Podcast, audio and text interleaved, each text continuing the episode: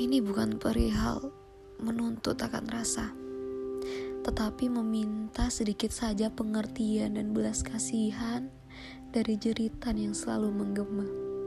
Memang benar adanya, jika aku adalah wanita bodoh yang telah menumbuhkan rasa terlalu dalam hingga tak menyadari bahwa kau hanya seorang laki pecundang yang tak tahu bagaimana caranya menghargai sebuah ketulusan. Yang kau pikirkan hanya dirimu saja. Sedangkan aku mengabaikan semua sakitku demi senyuman di wajahmu.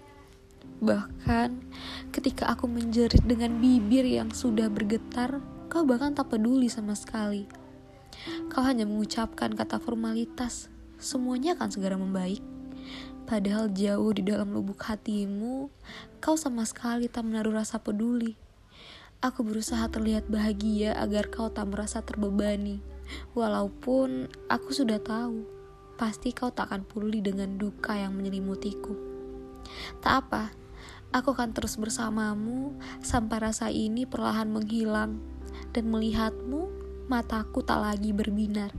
Hanya tatapan datar yang menandakan hatiku sudah selesai mencintaimu.